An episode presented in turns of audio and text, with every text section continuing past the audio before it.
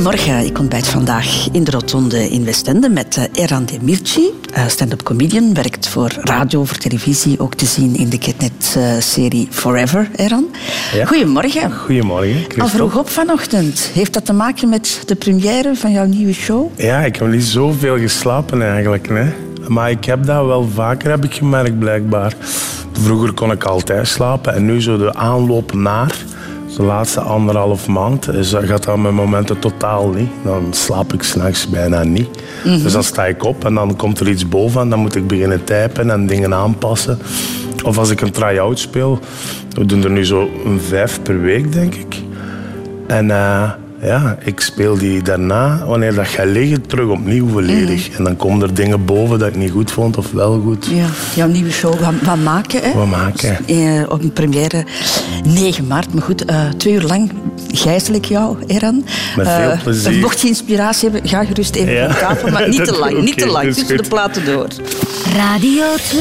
De Rotonde met Christel van Dijk. Eran Demirci, de rotonde van jouw leven, die gaan we vandaag eens in kaart proberen te brengen.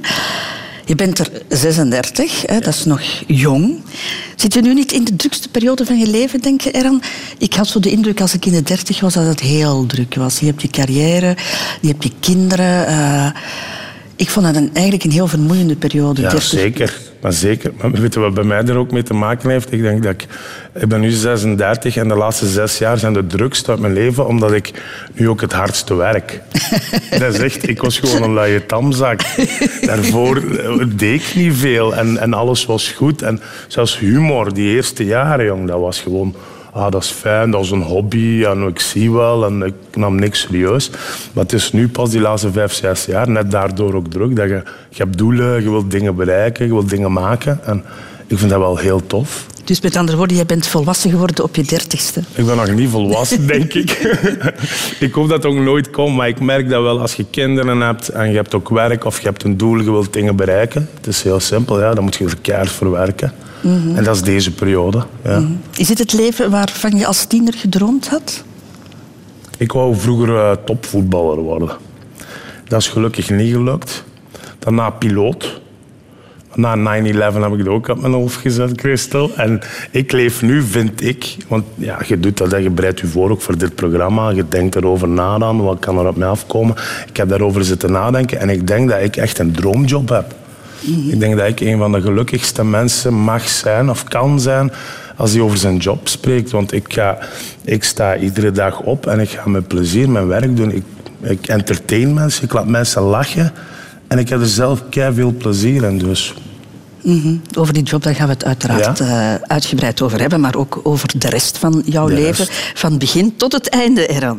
Maar eerst eh, jouw Wikipedia-pagina. Jij hebt een Wikipedia-pagina, uiteraard. hè. Je bent een bekende naam. En eh, daar staat onder meer dit op te lezen. Eran de Mircea, Beringen 14 januari 1983, is een Vlaams stand-up comedian. Er staat uiteraard meer op. Maar we komen niks te weten over de periode voordat jij bekend eh, werd, Eran. Uh, Nochtans ook belangrijk. En daarom heeft jouw goede vriend, Han Koeken... Ja, ja, benieuwd. goede vriend Han Koeken Ja. heeft zijn tanden gezet in jouw jeugdjaren en heeft jou een nieuwe Wikipedia-pagina bezorgd.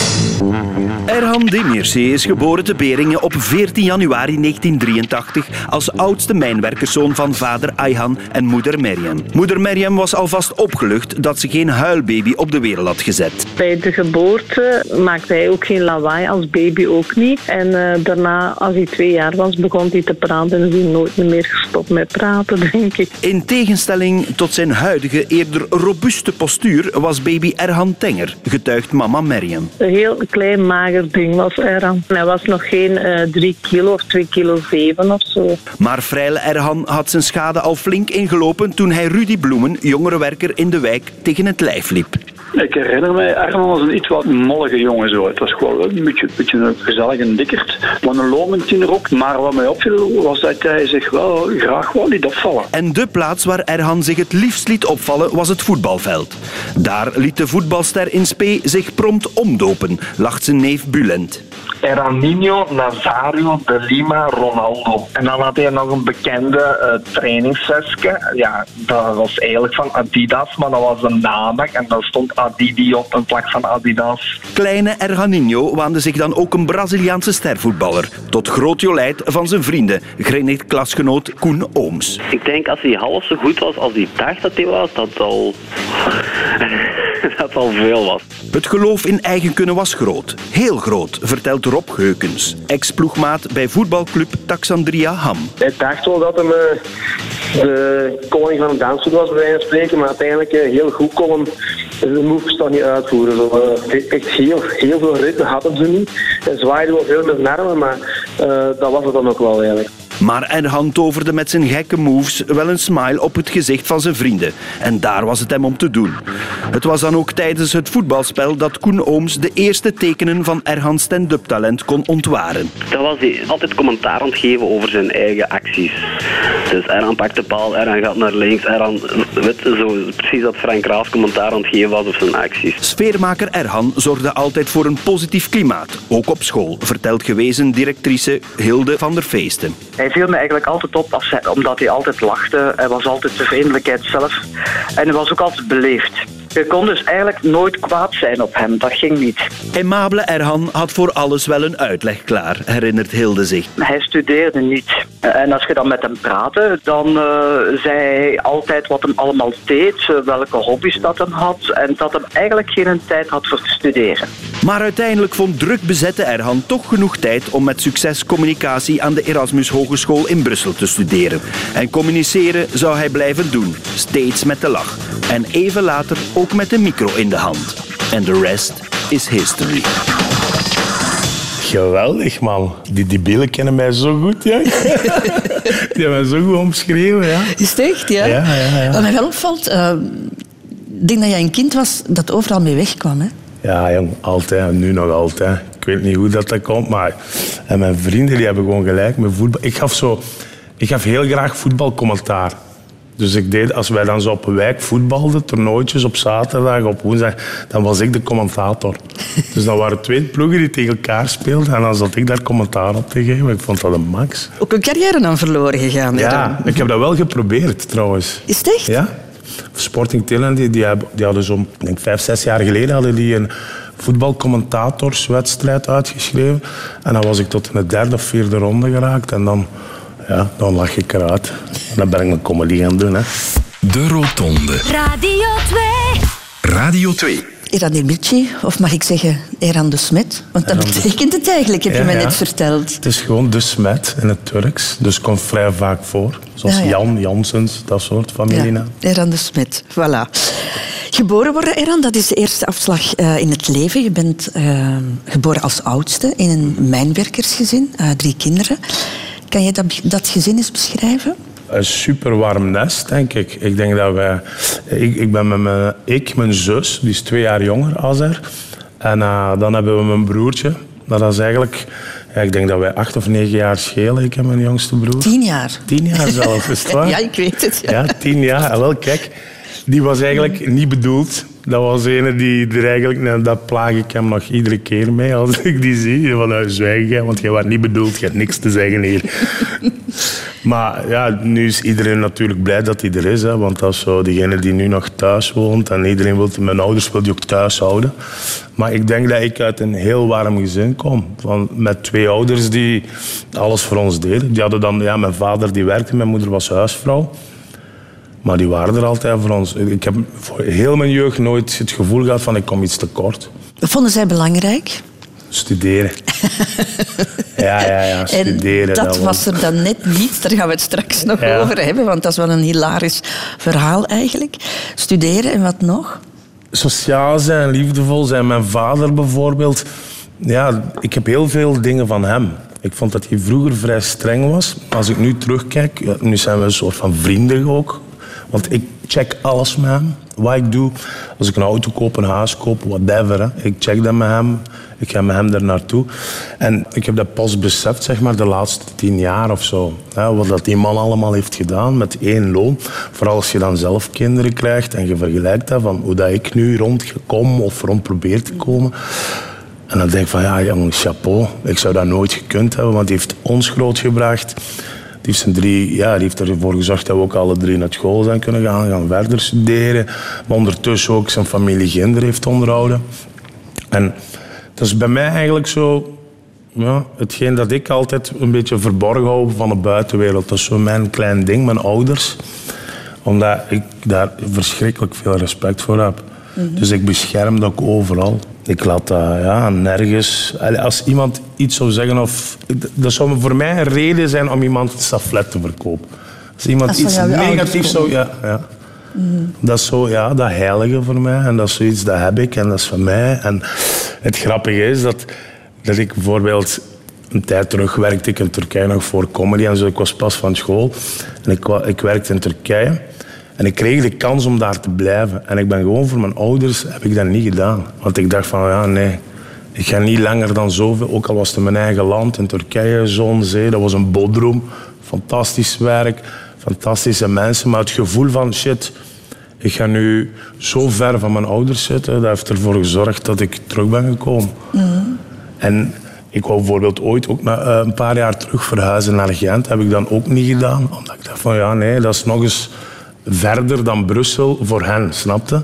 Ah, Brussel is de maximum eh, afstand. Brussel, een uur. Hey, Wij moeten daar altijd mee lachen, maar dat is zo. Voor mij is dat een uur, is psycholoog. Ik zit op een uur van mijn ouders. En ook van, van, van je vrienden, hè? want eh, je bent Ja. opgegroeid in een soort van cité, kan Ja. ik het eh, zo, zo noemen. De wijk, hè, de cité, ja. ja. Yannick Cazalsis was hier ook onlangs, of nee, onlangs, enkele jaren geleden, en hij vertelde hoe fijn het was om daar op te groeien. Maar ja, ik zou daar voor niks willen ruilen. Voor niks. En daarom ga ik ook heel vaak terug. Ik ga minimum één keer per maand ga ik terug om met hen te zijn. Iets gaan eten, iets gaan Om dat drinken. op de- wijkgevoel, ja. Ja. En al die nationaliteiten samen. Alles bij elkaar. Weet je wat ik nog het liefst doe dan? Dat is echt door de dag, dan kom ik daaraan. En dan lig ik eigenlijk de ganse dag thuis in de zetel bij mijn ouders. Naar hun verhalen we luisteren van wat er allemaal gebeurt in de wijk. Dat is zo mijn, mijn krant. Hè, mijn moeder is mijn krant. Die vertelt dan wat er allemaal gebeurd is. En dan s'avonds afspreken met vrienden. En oldschool op de wijk rondhangen. Gewoon rondhangen en bijna niks doen. Maar gewoon wat lachen en zeven met elkaar. En die smeltcruise van, van, van culturen, wat Ja. heeft jou dat geleerd? Dat heeft mij gemaakt wie ik ben nu, denk ik. Want ik ben opgegroeid... Ik heb het geluk, en vooral omdat ik het nu kan vergelijken... Ik heb het geluk dat ik ben opgegroeid in een wijk waar dat, eh, ja, Turken, Italianen, Grieken, Spanjaarden, Belgen... alles woonde daar bij elkaar. Er was geen overheersende groep. Het is niet dat alleen Turken met Turken omgingen en andersom. Je moest met elkaar omgaan en je ging ook met elkaar om. En dat was gewoon één één band. Ja, één serieuze blok. Want als wij naar Girofuiven gingen of zo, Christelman, dat was... Ja, de mannen van de cité zijn daar, snapte? Dus er kon nu niks gebeuren. Niks. Heel mijn jeugd heb ik dat gevoel gehad van mij kon nooit iets overkomen. Nooit. Want je ging dan naar Girofuif. Ik moet daar altijd mee lachen als ik daar aan terugdenk. Ik ging dan zo met 5 euro zakgeld naar Girofuif. Ik dronk daar de hele avond. Op het einde nog een frit binnensteken. En ik kwam met 10 euro terug naar huis. Snap je? Dat gevoel was daar. Omdat je altijd ouderen had van de wijk die u verzorgden. Die, die zorgden van, ja, dat zijn onze jongens. En wij soigneren die. En dat zijn dingen dat ik merk dat ik nu ook doe. Automatisch zit dat er in mijn hoofd in. Dat ik zo het gevoel heb constant, ik moet iets terugdoen aan de jongeren van de wijk.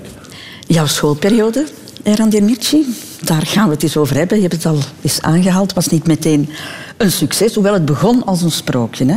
Je was een goede leerling, volgens jouw moeder zelfs heel begaafd. Ja.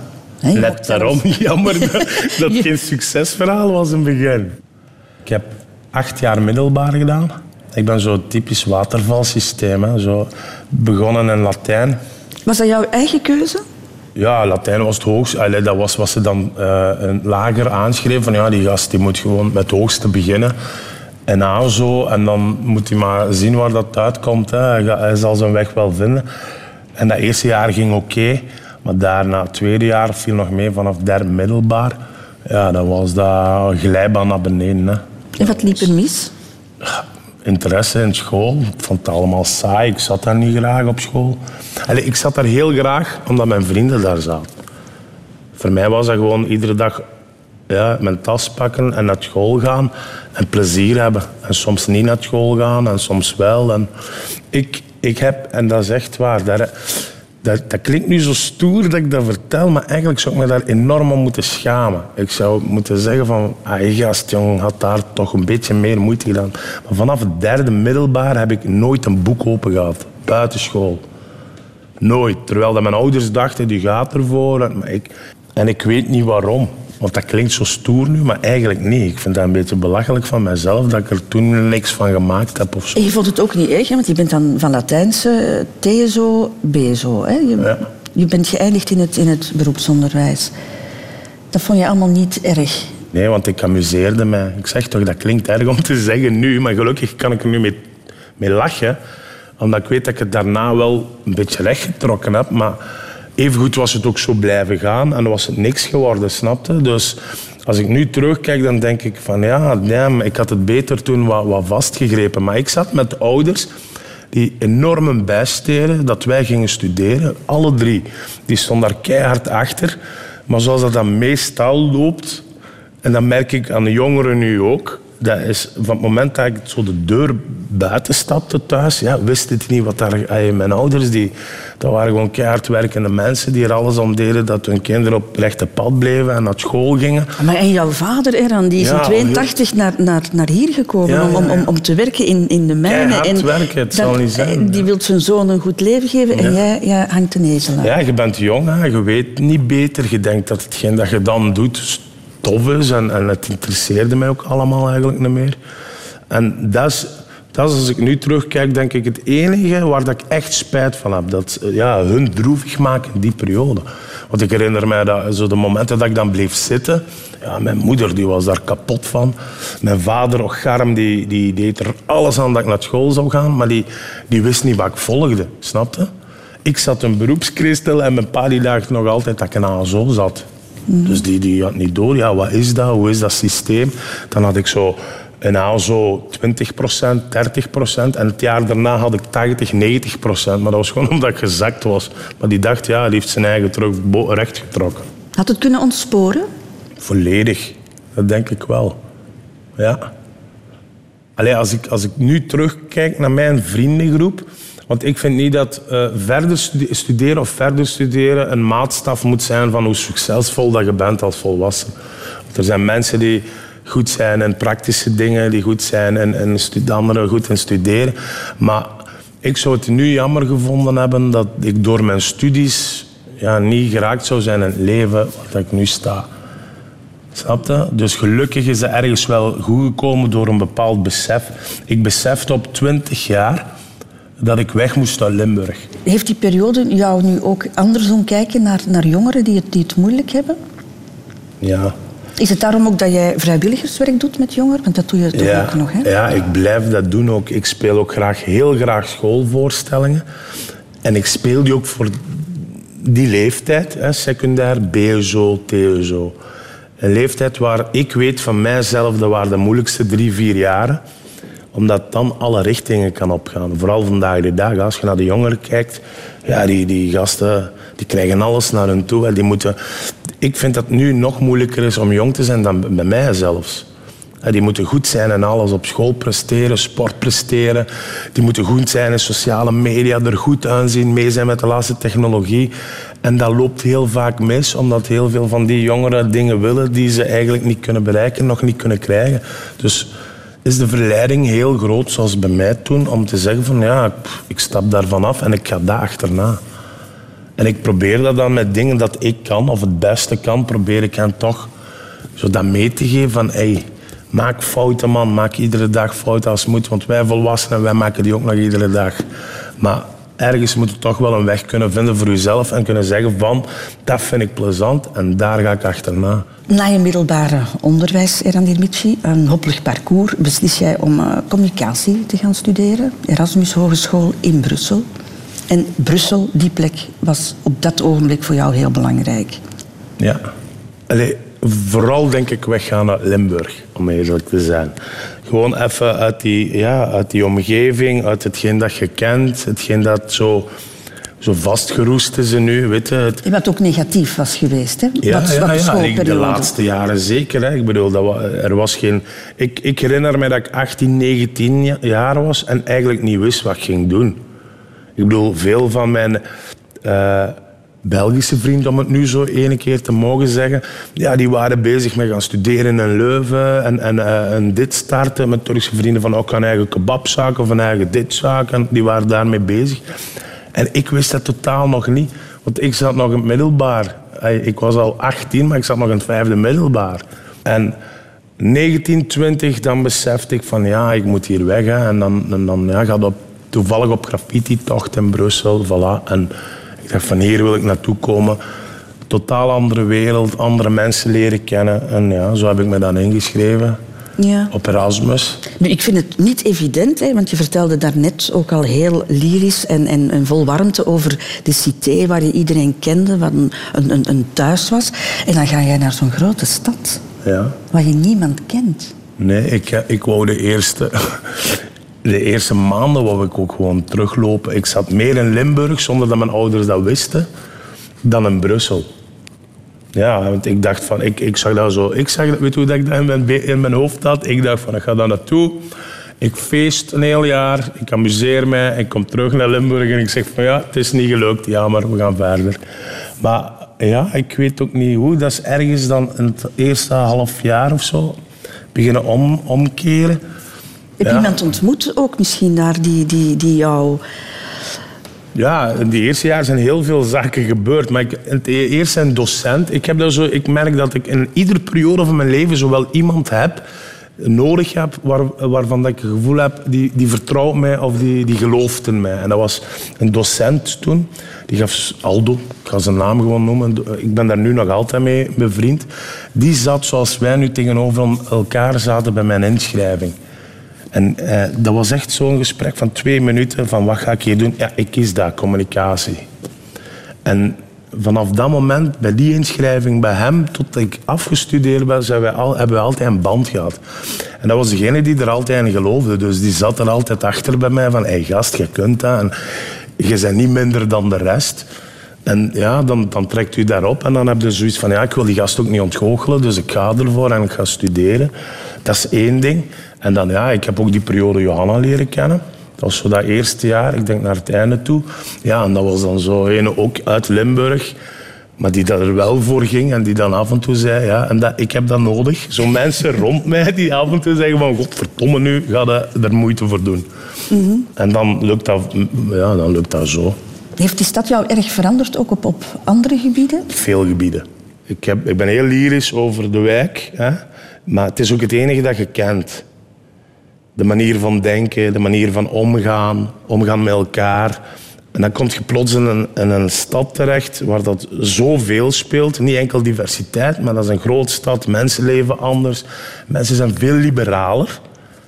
En dat heeft mij enorm geholpen tot wie ik nu ben. Ik denk dat hij dan nu, vergeleken met in mijn jeugd, tien jaar geleden, ja, dat is iemand ganz anders, denk ik. Qua denken over, over politiek, over het leven, over mensen, over stom, hè, maar over homo's. Ik weet niet of ik, over gays, ik zal het zo zeggen, over gays bijvoorbeeld. Ik had tot 2025 geen enkele gay vriend. Ja, Terwijl dat, dat de normaalste zaak van de wereld moet zijn. Dat je toch in je omgeving mensen kent die dat zijn. Maar je zoekt dat niet op.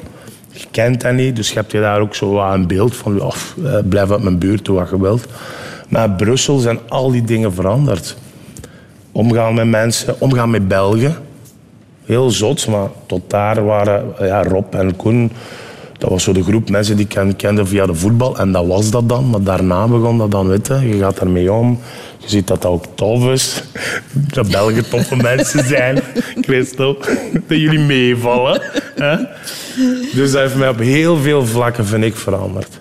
Je hebt eh, communicatiewetenschappen gestudeerd, Eran Dermitje. Daarna nog een, een jaar internationaal ondernemen. Maar je bent niet de bedrijfswereld ingegaan, maar je bent het podium opgegaan. Geen evidente keuze voor comedy kiezen. Wanneer is dat besef ontstaan van dit is wel iets wat ik graag wil doen en, en wat ik kan? Oh, wat ik kan is pas veel later gekomen. Zeg. De liefde is ontstaan toen ik Najib Amali ging zien. Ik, ik zag die gast bezig en de Eh, dingen dat hij- situeer die man Najib. Amali. Wel, ik kreeg een, voor mijn verjaardag een cadeau voor Najib Amali, Nederlands cabaretier. Super grappig, toen zeker. Ik was daar naartoe geweest in Amsterdam met vrienden. En ik was gewoon weggeblazen. Ik dacht van wauw man, wat dat die gast op dat podium doet. Met humor, een mening geven, zijn mening geven. Mensen verbinden, mensen in een zaal krijgen die anders nooit naast elkaar zouden zitten. En dat was toen op dat moment van hoe een grote droom zou dat zijn om dat te kunnen. En dan is dat een beetje als hobby begonnen voor mij. Zo open mics doen hier en daar. Dat zijn van die... eh, Open mic, ja, open podia, Ja. zeg maar. Dat je krijgt vijf minuten of tien minuten en dan je je ding doen. En dat was gewoon je eigen belachelijk maken in mijn geval. dat was echt een ramp, jong, niet normaal. Maar je Vooral bleef dat doen, je bleef dat ja, doen. omdat ik dat gewoon ook leuk vond. Ik weet ook niet waarom, want dat was echt een ramp in het begin. En ik was zo dan ene die zo van die cliché-grapjes vertelde. Kende, ja, wij Turken dit en wij Turken dat. En ik dacht dat mensen dat dan grappig vonden, maar ah, dat was echt, dat trok op geen zak. Maar stilletjes aan begint dat dan te groeien. Je leert zo wat nieuwe mensen kennen. En dan, ja... Ik heb Han Koeken dan leren kennen. Die maakt jullie wiki. Die speelt dan een parodie op een extreemrechtse racist. Han Solo. En ik zag die bezig voor de eerste keer zonder dat ik die kende. En ik dacht echt van, wat voor een Mongool is dat, man? Wat zit hier allemaal op een podium te zeggen? dat zeg ik hem nu nog iedere dag. Zelfs mijn moeder die dacht van, oh my god, ga jij met die mensen samenwerken of wat?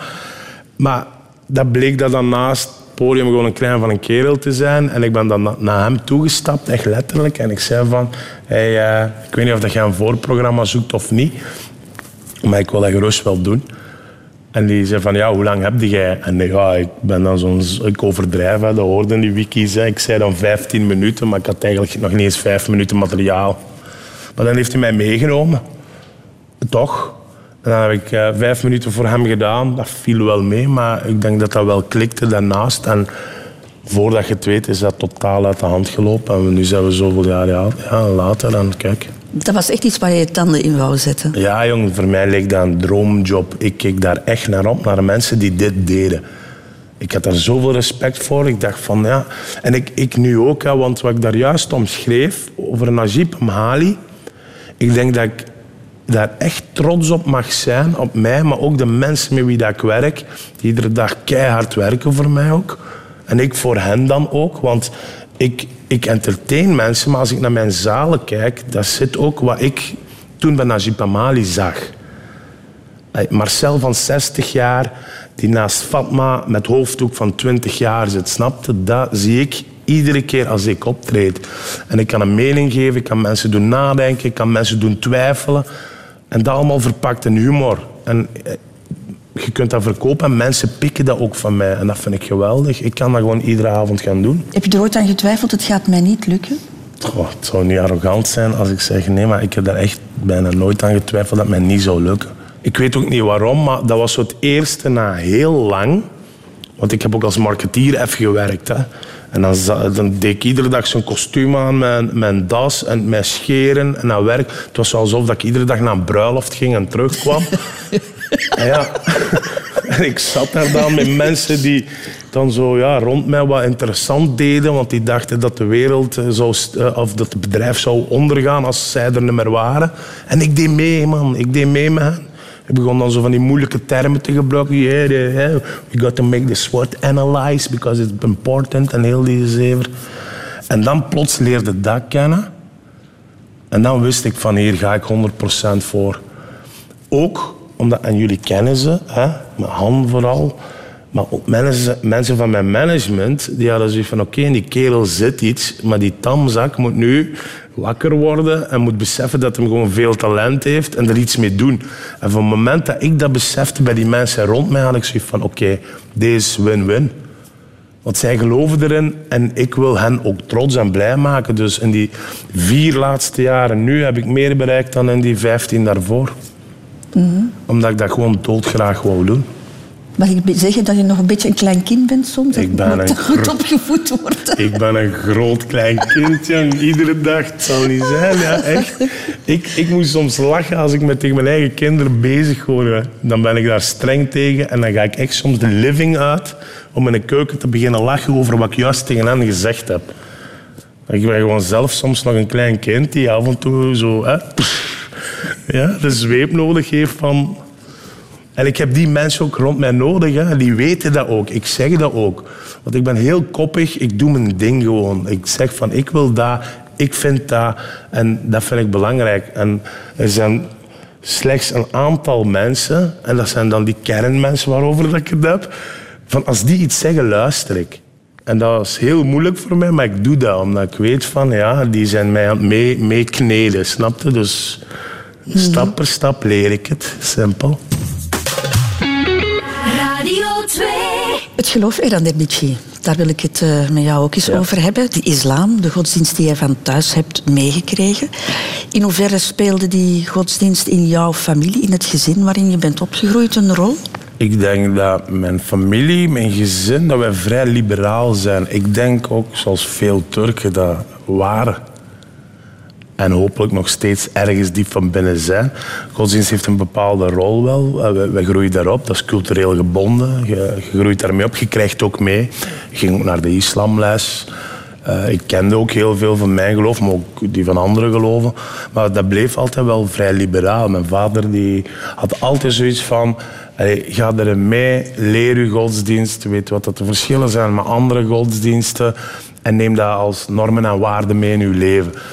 Dus eh, ik werd nooit verplicht om iedere week naar de moskee te gaan of zo. Maar wel, wat mijn vader dan belangrijk vond, was als dan feestdagen waren, hè, offerfeest of Ramadan, dat we dat meededen. Dat we ook meegingen met hem. Dat vond hij dan wel leuk en belangrijk om met hem daar te zijn. En die familiefeesten dan thuis te hebben, offerfeest, Ramadan. Ik ben daarmee dan opgegroeid. En eh, op een bepaald moment wel in mijn leven is dat een beetje afgezwakt. En nu neem ik godsdienst mee in mijn valies als iemand die even goed gelooft in het christendom of gelooft in het jodendom of niet gelooft. Ik bedoel, ik zie heel veel mensen rond mij die niet geloven, die, die eh, een ander geloof hebben, maar die voor mij even belangrijk zijn zeg maar, als, als moslimvrienden omdat ik vroeger dat beeld wel had van de islam is een ware godsdienst en ah, moslims die, die staan dan bovenaan eh, de food chain, zeg maar.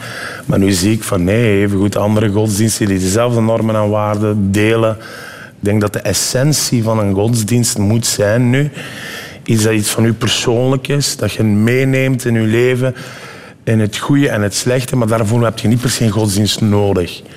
Terwijl dat ik dat vroeger wel dacht. Maar je hebt daar wel over nagedacht, blijkbaar, Ja, over sterk natuurlijk. Ja. Omdat dat een deel van u is. Ik bedoel, ik geloof, ik geloof dat daar wel iets is. Maar ik, ik heb soms moeilijkheden en ik durf daar eerlijk eh, in gesprek mee gaan. Zelfs met mijn hodjas. Ik doe dat. Ik zoek mijn hodjas, mijn islamleerkrachten van vroeger. Of geleerden mijn familie. Er zijn er twee in mijn familie die de islam, de Koran van binnen en van buiten kennen. Ik vind dat geweldig dat ik met die mensen nu op een normale manier kan zeggen ja, dat ik soms twijfels heb. Terwijl dat, dat vroeger niet kon. Weet je. je moest geloven en, en dat was zo. Maar nu kan ik met hen in gesprek gaan over de hel en de hemel bestaat. Ik bedoel, dat, is dat niet achterhaald en is dat niet iets anders? En die discussies en die gesprekken hen vind ik nu heel tof. Nu kan ik daar veel genuanceerder over babbelen en ik geloof in al die dingen die in het verleden gebeurd zijn. Maar ik geloof ook dat mijn godsdienst dan vooral ook wel ergens mee moet gaan met de tijd. We missen, we hebben die, de stap ergens gemist om, om, om het te moderniseren. En gelukkig zijn er nu islamgeleerden. Eh, ik weet niet of dat jullie Mohamed Ben Amidou kennen. Dat is een islamgeleerde uit Gent, met wie dat ik ook binnenkort een voorstelling samen ga maken. Die heeft het over de islam nu. Hè. En ja, ik vind dat geweldig om met die gaan samen te zitten en te discussiëren en te filosoferen, omdat die een heel modern beeld heeft van de islam. Ook heel veel dingen filosofisch gaat onderzoeken. En kijken van, ja, die islam toen, wat was dat toen? En wat betekende dat voor de mensen toen? En wat moet dat betekenen voor de mensen nu? En ja, dat vind ik geweldig. Dus godsdienst blijft een belangrijke rol in mijn leven hebben. Maar niet dat ik ga per se vijf keer moeten gaan bidden en geen varkensvlees eten en geen alcohol drinken, want dat maakt me dan plots een goede mens. Nee. Voor mij gaat dat veel verder dan dat. Het is niet dat je geen varkensvlees eet en geen alcohol drinkt, dat je daarom ook een goede mens bent. Want alles begint bij dat. Wees eerst een keer een goede mens. Voor jezelf en voor mensen rond u. En ga dan terug naar eh, wat zogezegd de essentie is. Want Dus- we draaien het vaak om. Dat vind ik jammer. Dus je, je bent nog gebonden aan eh, de filosofie van, van de islam, maar al de regeltjes, die, die volg je niet meer strikt. Niet strikt, nee. nee.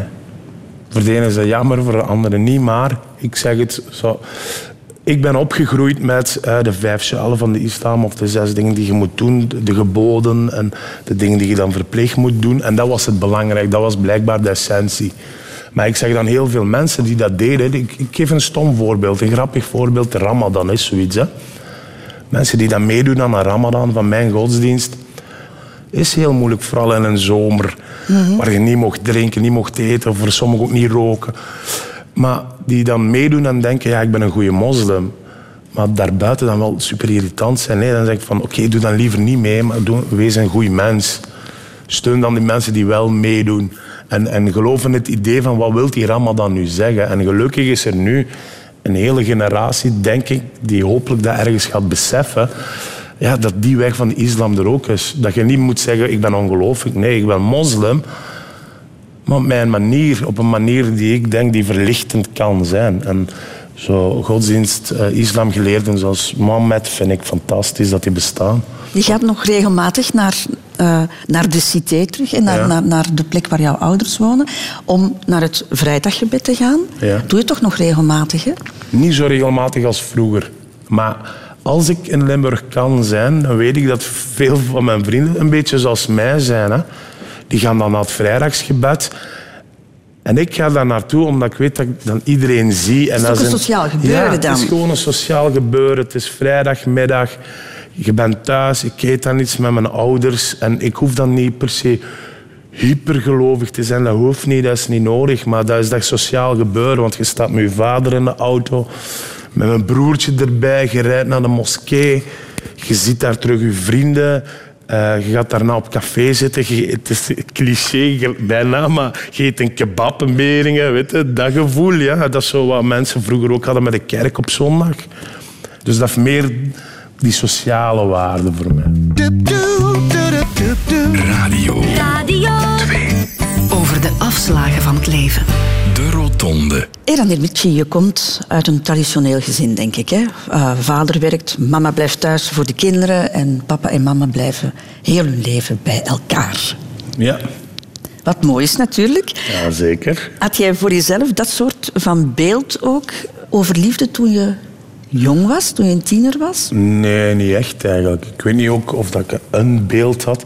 Ik had in ieder geval geen traditioneel beeld van... Ik ben nu 25 en ik ga trouwen, want dat hoort zo. En ik ga kinderen maken en een gezin. Want ik wou eigenlijk tot mijn dertigste gewoon vrijgezel zijn. Mijn ding doen en, en kinderen en zo, dat dacht ik zelfs niet aan. Maar dat loopt dan soms gans anders. Hè. Ja, zo gaat dat leven. Want eigenlijk eh, heb je jezelf ook snel gebonden, toch? Hè? Ja. In je studententijd al, hè? Heb je je vrouw? Ben je nu- vrouw? Ja, Ja. Nu mee lachen of lachen. Ik weet dat ik toen niet echt... Ik wou dat eigenlijk niet, want ik vind tot de dag van vandaag... hè, geweldige vrouw, fantastische moeder, Johanna. Maar in het begin zei ik dat ook tegen haar. Ik zei van, ja, ik weet niet of dat wij wel samen moeten iets beginnen, want ik vind mij nog te jong om nu al zo... Weet je. En dan heb je schrik van... Shit, misschien ga ik toch de, de vrouw van mijn droom missen. Want dat was zij ergens wel tot de dag van vandaag, denk ik. Is zij degene die mij het beste van iedereen kent. Dan is dat zo wat met bubbeltjes en hobbeltjes begonnen. En, maar dan is dat toch... Ja, kijk, we zijn nu 14, 15 jaar samen. En mijn, mijn twee, tweeënhalf laatste jaren, zeg maar. Want dan ging dat heel moeilijk. Ook omdat ik het druk heb, zij met werk. Ik denk dat dat ook een cliché verhaal is dat iedereen herkent. En iedereen wel ooit in zijn relatie gewoon meemaakt. Dat je vroeg of laat zo plots wakker wordt precies. En dat hadden wij allebei. Dat je plots wakker wordt en zegt van oei ja, wat, wat is dit eigenlijk nog? Wat, leven wij naast elkaar? Zien we elkaar graag of niet? En dat is niet lang geleden gebeurd. Dus dat, dat was even wel een mokerslag. Vooral omdat je je laatste tien jaar dat je echt bij je verstand bent, denk ik. Hè, dat je groeit ook in het leven. Brengt je door met iemand. En dan plots moet je beseffen van oei, zijn we nu wel toch voor elkaar gemaakt of niet? En dat was wel even heftig, die periode. ja. Mhm, dat is opgelost ondertussen, maar jullie zijn wel heel even Ja, uit we zijn een elkaar tijd gegaan. uit elkaar geweest. Ja. Ik denk, nu nadien gezien was dat eh, het beste wat wij kunnen doen. Want ik weet niet of dat wij, als we bij elkaar waren gebleven en toch geprobeerd hadden een heel die dat dat, dat dat ging lukken. En nu, doordat ik ook heb ingezien van ja, ik moet daar ook in veranderen en daar ook in veranderen. En ik moet ook rekening houden met andere dingen. Want ik ben, ja, ik ben zo, ik, ik doe gewoon mijn zin vaak. En dat is heel moeilijk voor anderen om dan in mijn kop te geraken. Als ik iets wil of wil doen, dan zeg ik van ja, ik ga dat doen of ik doe het niet. En nu ben ik aan leren echt van ja, nee, ik moet daar rekening mee houden. En hoe is, eh, wat denkt jij en hoe zouden we dat doen? En dat is ook een leerproces. Hè. Ik vind dat je daar niet flauw over mocht doen. Dat is ook leren. En daar heb ik beseft dat een relatie onderhouden ook leren is en niet alleen je ding doen. En, eh, Mhm. Zoals je het nu vertelt, steek je vooral of schuif je de verantwoordelijkheid vooral naar jou toe. Ja, maar dat is ook zo. Maar dat besefte ik toen niet. Dat is het probleem net. Want ik zag dan niet dat ik fout zat. Want ik had zoiets van, hé, hey, maar meisje, luistert. Hè? Jij mag van mij alles doen. En wij, wij, wij, zijn heel, we, waren, we zijn ook heel goede vrienden, ook buiten dat we verliefd zijn op elkaar. Maar ik liet haar altijd met alles doen. Als zij zei tegen mij van, ik ga van job veranderen, dan zei ik als eerste, doen jong. Tuurlijk, zijn daar gelukkig? Nee, doen, veranderen. Geen gezever.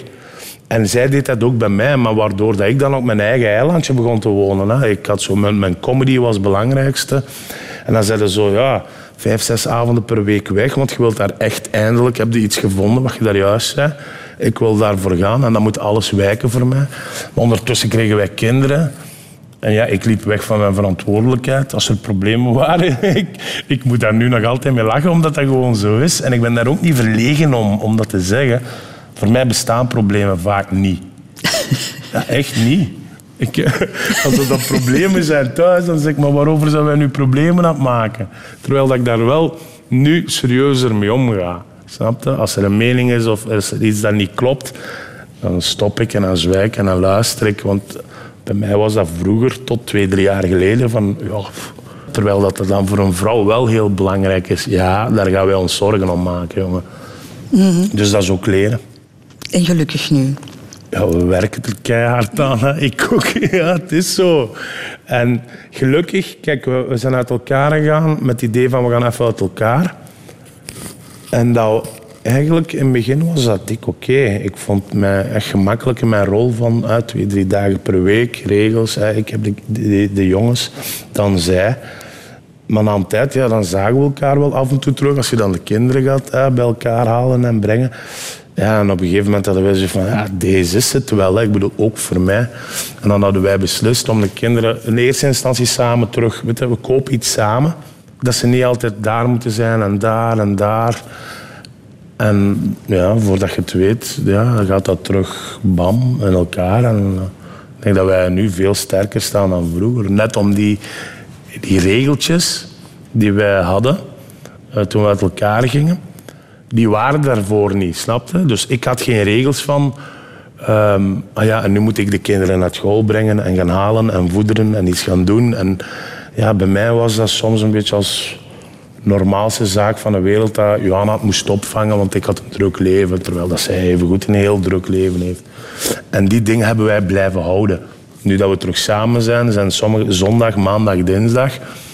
Ja, dat is dan mijn management die dan mijn agenda maakt en die weet van op maandag en dinsdag eh, doet hem alleen dingen tussen 9 en 4. Dus dan ga ik de kinderen, ik, op, ik kleed die aan, pamper uit, voeden, ruzie maken, naar school brengen, weet je, dat. En dan s'avonds eten maken van school, zodat zij ook wat tijd heeft voor dingen te doen. Ja. En dat heb ik moeten leren. Simpel. Ook een rode draad een beetje in, in heel jouw verhaal. Eran moet altijd eerst met de kop tegen de muur lopen. Dat is toch het leukste wat er is? ik vind dat het leukste wat er is. De Rotonde. Radio 2. Radio 2. Eran Derbici, jij hebt de Belgisch-Turkse nationaliteit. Jouw vrouw eh, is een Vlaamse, de Belgische nationaliteit. Is dat ooit een issue geweest? Eh, voor mij niet echt, voor haar helemaal niet, denk ik. Haar familie is ook vrij open. Ja, die haar mama en papa hebben mij altijd heel goed ontvangen ook. Van begin. Ik weet wel dat papa daar nu wel... Mijn schoonvader maakt daar nu wel heel, heel veel grappen over. Van dat hem zei, als, eh, want hij heeft een tweeling. Mijn, lief is een tweeling. Eh, van, ja, ze mogen nooit donkerder zijn dan een bierflesje. en dan kwam ik daar binnen en dat was zojuist zijn rand gevallen. Maar ja, ik ben altijd heel goed onthaald door hen. Het, cliché, of het grappige is wel van dat verhaal. Dus ze zijn een tweeling. Eén van hen is mijn Turk samen en de andere mijn Griek. En die woont in Athene, Laura, de zus van. Ja, en dat is soms wel eh, heftige discussies aan tafel, maar dat vind ik dan ook wel heel leuk. En aan mijn kant, ja, mijn moeder die heeft daar van begin... Van, maar mijn moeder is zo, die, die, die vond dat geweldig en die vindt haar geweldig. Maar mijn vader is eigenlijk de reden waarom dat ik dan toch voor een serieuze relatie ben gegaan. Want ik heb het nooit over gevoelens gehad, of relaties, of seksualiteit, whatever, met mijn ouders. Dat is bij ons een beetje taboe. Maar ik herinner me heel goed het gesprek dat mijn vader wist dat ik met haar samen was. Maar ja, je bent dan student en, en die weet van ja, ik, ik ben dan iemand die zo weet, sociaal is met iedereen, zal ik zeggen. En die op een gegeven moment dat ik terug in Limburg was, eh, zei die tegen mij, ja, wat ga jij vanavond doen? En ik zei, ja, ik weet het niet, misschien buiten. Ja. Het zou tof zijn als we samen iets gaan eten. Ik dacht van ja, oké, we gaan samen iets eten. En dan heeft mijn vader, het is een heel raar, allee, tot op de dag van vandaag ben ik wel trots op hem dat hij dat heeft gedaan. Want hij zei tegen mij, kijk, ik weet dat je, van uw mama dat je nu al een paar jaar samen bent met dat Belgisch meisje. Maar die zei van, ja, als je serieus bent, ga dan verder met haar. Maar als je niet serieus bent en je bent zo aan het spelen, aan het vlieren, stop er dan mee. Kwets dat meisje niet. Wees er voor haar en, en, zorg niet dat haar of zij en haar familie het beeld gaat hebben van ze zijn allemaal dezelfde. Hè. Ze spelen wat met onze meisjes en dan is het toch gedaan. En, uh, en dat, dat, was bij mij het ding van, oh ja, oké, nu moet ik daar echt wel goed over nadenken. Als hij al trots vond, hè, want dat is heel moeilijk voor iemand als mijn papa dan, om dat met mij te kunnen bespreken. En dat was bij mij het moment van, oké, ik denk dat ik nu moet zeggen van ja, we gaan serieus verder of niet. En dan heb ik dat, uh, ik, beslist dat met, met dan hebben wij, want ik heb daar toen ook met Johan over gehad, en hebben wij beslist, oké, ik denk dat wij gewoon samen verder moeten gaan. Mm. En dan beslis je ook om, om voor kinderen te gaan. Ja. Was ja. dat uh, voor jou? Nee, ik, ik, vond, ik, ik was daar nog niet klaar voor. En ik kan dat nu ook eerlijk toegeven, zoals ik nu veel dingen kan toegeven. Want gelukkig is dat allemaal voorbij, denk ik dan. Maar ik heb de eerste twee jaar, jong Christel, dat meen ik echt, gewoon weggelopen van mijn verantwoordelijkheden tegenover mijn kinderen. Zo de eerste zo 0, 1, 2, 3 jaar, zeg maar, had ik echt iets... Ja, dat was voor mij... Ja, wat is dat? En zo...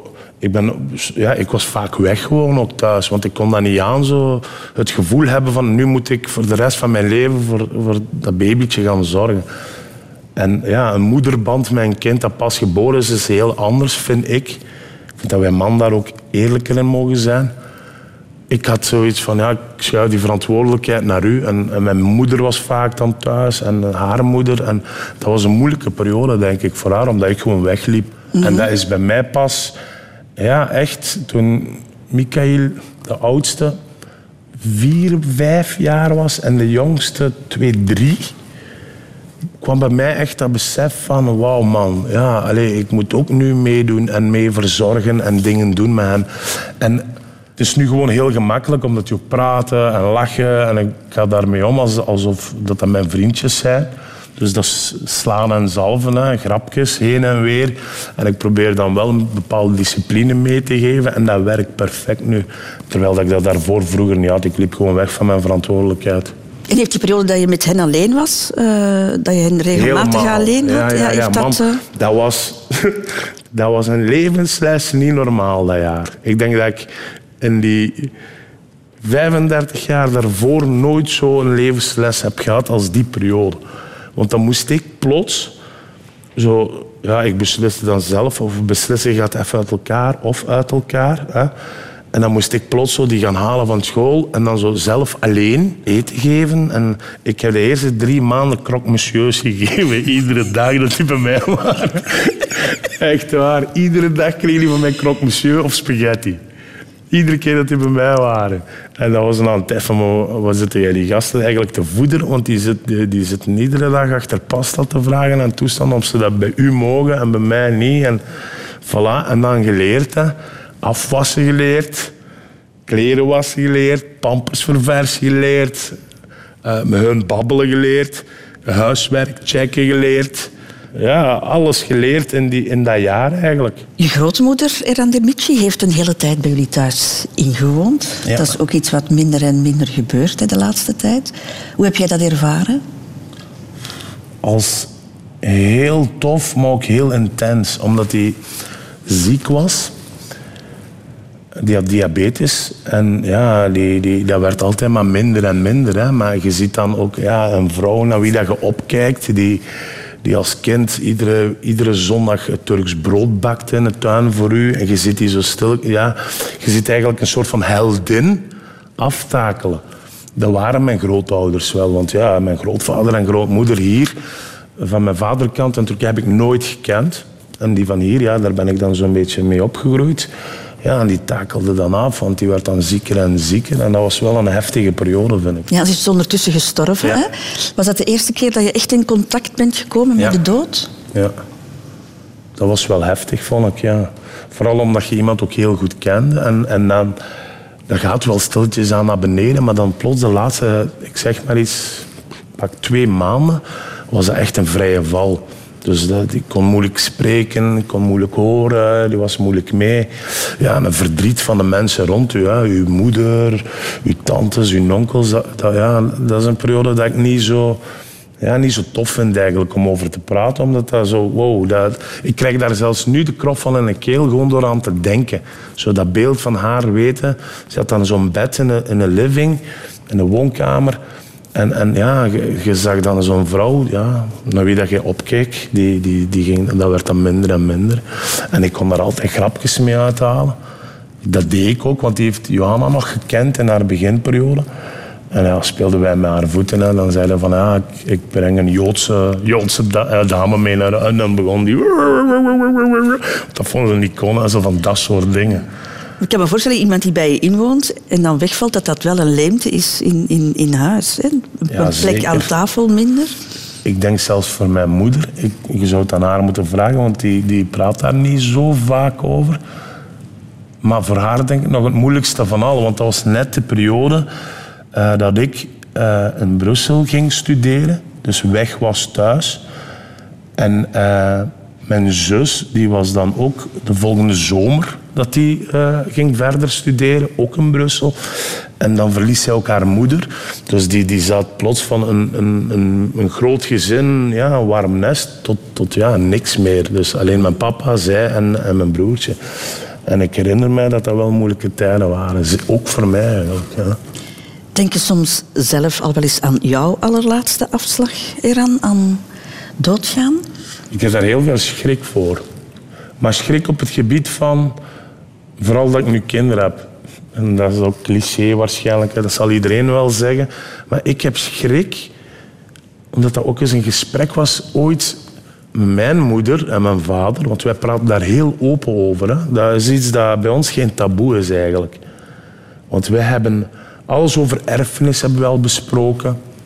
We hebben al besproken van waar dat zij zouden begraven willen worden. Want bij Turken is dat zo. Van, ja, we hadden dat gesprek met mijn ouders en met mijn, met mijn broer en zus. Echt bij het eten, lekker gezellig samen gaan eten. En dan zeggen van, ja, hoe zit dat papa, mama? Waar zouden jullie begraven willen worden? Ik weet dat nu al. Ik weet waar dat die begraven willen worden in Turkije. Ik weet ook... We hebben, bij ons is dat cultureel gebonden dat de oudste beslist een beetje wat met erfenis gebeurt, bijvoorbeeld. Hoe bedoel je? Ja, zo van, kijk, er is een erfenis, er moeten drie colablikjes verdeeld worden, ik zeg maar iets. De oudste beslist ergens wat ermee gaat gebeuren. Dus als dat een eikel is, dan zegt hij, ja, ik wil die twee blikjes voor mij en die, en die een ander verdeelde maar. Maar wij hebben daar open met mijn broers en zussen mee gesproken van kijk, als mama en papa er meer zouden zijn, ze zit hier, wat zou jij willen? Wat zou jij willen? Wat zou jij willen? En dat klinkt heel raar voor Belgen, want iedere keer dat ik dat vertel, hebben ze maar meende je dat echt? En dan zeg ik van ja, we hebben daarover gehad, maar dat is uitgesproken bij ons. En mijn ouders zeggen dat zelf. Wij kunnen mijn gerust hart gaan als het morgen is. Want ik weet dat bij veel van mijn Belgische vrienden... en verhalen dat ik daarover hoor... is dat na de dood van ouders meestal een heel groot probleem. Ja, dat kan tot, eh tot Ja, ruzies, tot breuken, tot breuken ruzies, leiden. embraas, alles gaat. Want geld het gaat om geld, het is simpel. En bij ons is het allemaal mooi besproken. En ik, ik heb een periode meegemaakt dat mijn vader een hartaanval heeft gehad, midden in de nacht. Dat ik zo door mijn moeder gebeld word om twee uur s'nachts in Brussel.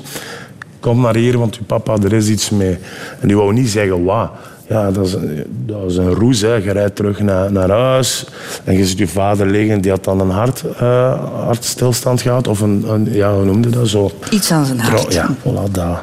En je ziet die man daar liggen. Ik zag me, ja, je ziet uw held liggen. Hè. De man die voor u heeft gezorgd. En dat was wel heftig. Ja. En daarna ben ik daar wel over beginnen nadenken. Van, ik moet mij klaarstomen, want vroeg of laat zijn die twee mensen er niet meer. En vooral mijn kinderen. Ik heb schrik dat ik mijn kinderen zou overleven, Christel. Dat is mijn grootste angst. Ik heb zo in mijn hoofd nu zo het idee van... ik moet me een beetje verzorgen. En je weet nooit wanneer dat de dood komt. Dat kan morgen of dat kan straks zijn als ik hier buiten stap... en ik maak een accident, bij wijze van spreken. Maar ik hoop dat ik zo tot 18, 20 jaar... dat zij zijn, hun kan vormen en kneden en doen. En dat, dat dan zoiets is van... oké, ik zie dat het goed is vanaf nu.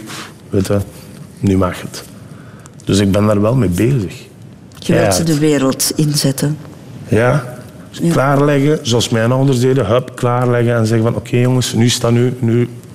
Nu trek ik me terug. Je neemt je verantwoordelijkheid, Iran. Na 36 jaar begin ik het te doen. Ja, ja, ik denk daar enorm over na. Dat deed, ik, dat deed ik een aantal jaar geleden niet. Totaal niet. Iran Dermici, hartelijk dank. Het was ongelooflijk eh, fijn om met jou te Ik ontbijten. vond het minstens even fijn. En om naar eh, echt. jouw toch wel boeiende ver- verhaal eh, te luisteren. Naar het proces dat jij hebt meegemaakt. eh, van groot klein kind tot toch volwassen worden. Ik groot, groot, groot kind. Ja. Ehm, de toekomst eraan. Alles in het teken van de nieuwe voorstelling nu. Ja, maar maken? dat denk ik wel. Toekomst, ja. Nieuwe voorstelling.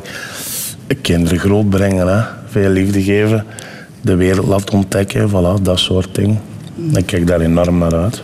En wij zien elkaar terug op 9 maart. Dan is de première van, eh, van jouw voorstelling. Dat zou heel tof zijn. Ik reserveer mijn zitje bij deze al. Eén ding nog eraan, en dat is het gastenboek. Hè? Ja, Dat is een, eh, een kleine verplichting, bij wijze van spreken, om daar iets in te schrijven. oké. Sevgili Kristel Veerle ve Bart. Liefste Kristel Veerle en Bart. Hè. Bana verdiğiniz ilgi, misafirperverlik ve çok güzel iki gün için teşekkür ederim. De aandacht die jullie mij gaven, jullie liefdevolle ontvangst en de fantastische twee leuke dagen, daarvoor wil ik jullie bedanken. İnsanları bağlamak, bir araya getirmek dünyanın en güzel şeyi olsa gerek. Mensen bij elkaar brengen, mensen met elkaar binden, moet toch wel het leukste zijn ter wereld. En dat is wat jullie hier doen. Dank u dat jullie aan mij dachten. Beni düşündüğünüz için tekrar çok teşekkür ederim. Nogmaals bedankt. Her şey her zaman gönlünüzün istediği gibi olsun. Ik hoop dat altijd alles is zoals jullie hartje het begeert. Sevgiler, liefst Errol.